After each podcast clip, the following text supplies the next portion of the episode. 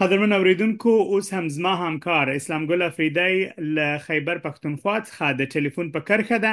له هغه څخه به په پا پاکستان کې د وروستیو پیښو په اړه جزئیات واورو افریدی صاحب په پیل کې مهرباني وکړه او له اوریدونکو سره په پا پاکستان کې د وروستیو پیښو په اړه معلومات شریک کړه. منیب صاحب مننه په د ورستو کې په پاکستان کې درې چې کوم لوی خبرونه دي هغه دا دي چې د بلوچ یووالي چې کوم پرلت دی هغه د بلوچستان او د خیبر پښتونخوا نه وروسته پنجاب او بیا تیر شپه چې دی نه وخت اسلام آباد ته د ګډلوان رسیدلی دي خو د خډب لپې خو سره مخامخ شوی دي دویم خبر چې دی د پاکستان لاهور خار چې د نړۍ په کچ باندې پنځم ککړ ښار بلل کېږي،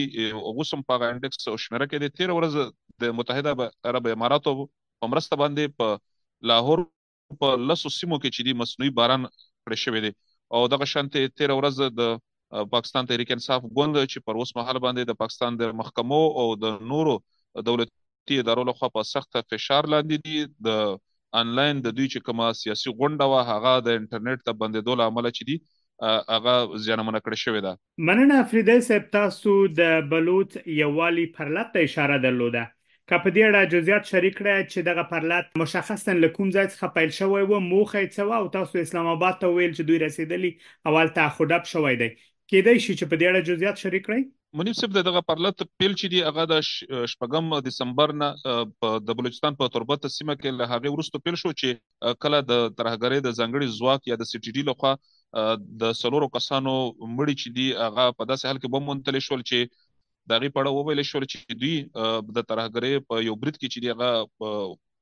وجل شوی دي خو په دې کې یو تن دغه شانته وو چې هغه داغې نه وړاندې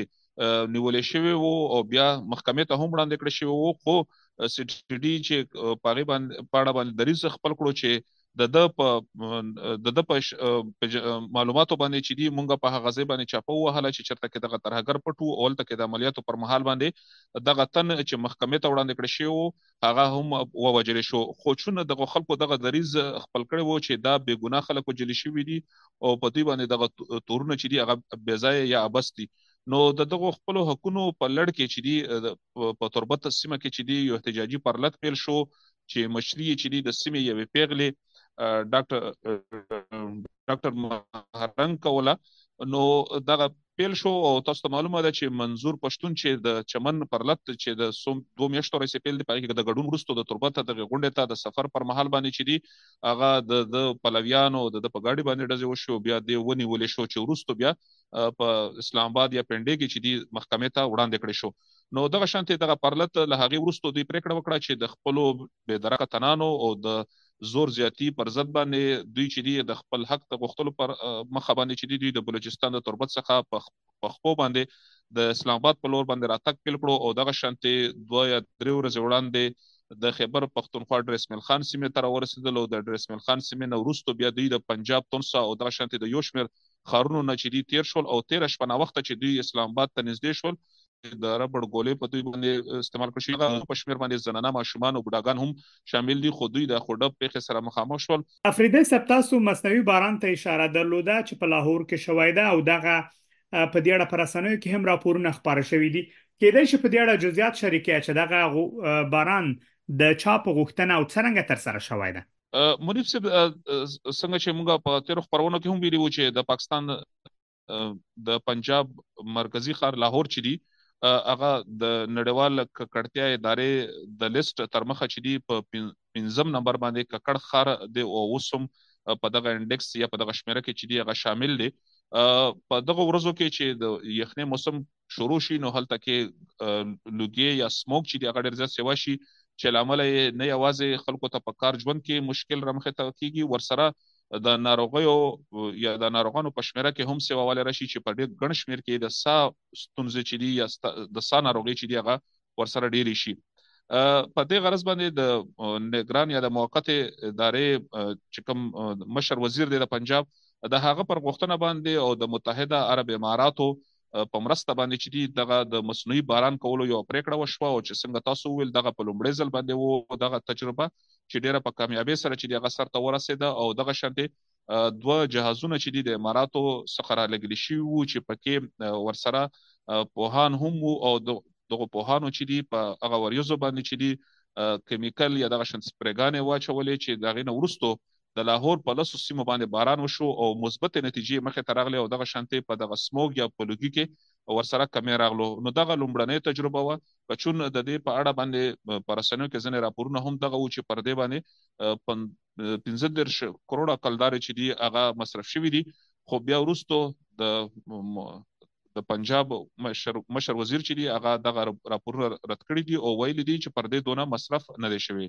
ښاغلی افریدی تاسو د تحریک انصاف انلاین غونډې ته اشاره درلوده کیدای شي چې په دې اړه هم جزئیات له اوریدونکو سره شریک کړئ؟ منیر صاحب دغه شانتې ده چې چون د تحریک انصاف ګوند مشر پخوانی مشر عمران خان چې دی هغه په بند کې دی او دغه شانتې نور چې کوم مهم مشران دي یا خو هغه په بند په بندیخانو کې دي او یا پر هغه باندې د بندیزونه دي او دوی نشي کولای چې په دغه شانتې لویو سیاسي غونډو کې ګډون وکړي، د غونډو د راجوړېدلو په برخه کې هم دوی ته د دولت د لوري یو شمېر ستونزې او مشکلاتونه دي، نو د ګوند ځینې مشرانو دغه پرېکړه وکړه چې دوی به د راتلونکي د ټولټاکنو چې اتمه فروري ټاکل شوې ده د انتخاباتو د خپلواکه کمېسیون د لوري، نو دوی به په دې کې د دوی لپاره د مهم د چلو او د خلکو د خبرتیا لپاره چې تحریک انصاف ګوند ته ووټ ورک دی په دوی د ګرد هواد په کچ باندې نه یوازې بلکې ورسره چې په نور نړۍ کې د تحریک انصاف ګوند کم مشران دي هغه ته دغه زمينه برابر کړه چې دوی د انټرنیټ د لارې یو جلسه را جوړ کړي چې په بیلابیلو خارونو کې خلک ورته راغون شي او د دوی ویناګانې ووري او د تحریک انصاف دغه دریز نه خبر شي که څه هم دغې غونډې ته ځینې مشرانو ویناګانې وکړې او په هغې کې هغه مشران هم وو چې د پولیسو له یرې یا د دولتي ادارو د یرې چې دوی ونیول شي د پټ شوي دي هغې هم پکې ویناګانې وکړې خو چې کله د عمران خان د مصنوعي ذهانت د لوري یا ارتفیشل انټيليجنس په مدد سره چې دی یو بیان یا یو خبر د خبرېدو پیل شو نو د هغې نورستو په بیلابیلو خارونو کې چې دی د انټرنیټ اسانتیاوي چې دی هغه د مشکل سره مخ قطع کړې شو او د هغې لامل د دوی د غونډه چې دی هغه خراب کړی شو نو دغه یو هڅه و چې دوی وکړله او دا په لومړي ځل باندې و چې په دومره لوی کچ سره چې دی دوی د دې غونډې تابع کړې و د انټرنیټ د لارې نو دغه یو سوال په پاکستان کې راپورته کیږي چې آیا کپراتون کې وختونو کې پاکستان تحریک انصاف ګوند د خپل سیاسي خبر خلکو ته درسولو لپاره یا د پلویانو ته درسولو په برخه کې د انټرنیټ څخه کار اخلي نو آیا بیا به هم په هیواد په بېلابېلو برخو کې دغه د انټرنېټ اسانتیاوې تړل کېږي او که نه؟ ښاغلی افریدی، ډېره زیاته مننه چې دغه معلومات مو له اورېدونکو سره شریک کړه. مننه، ډېره مننه ستاسو.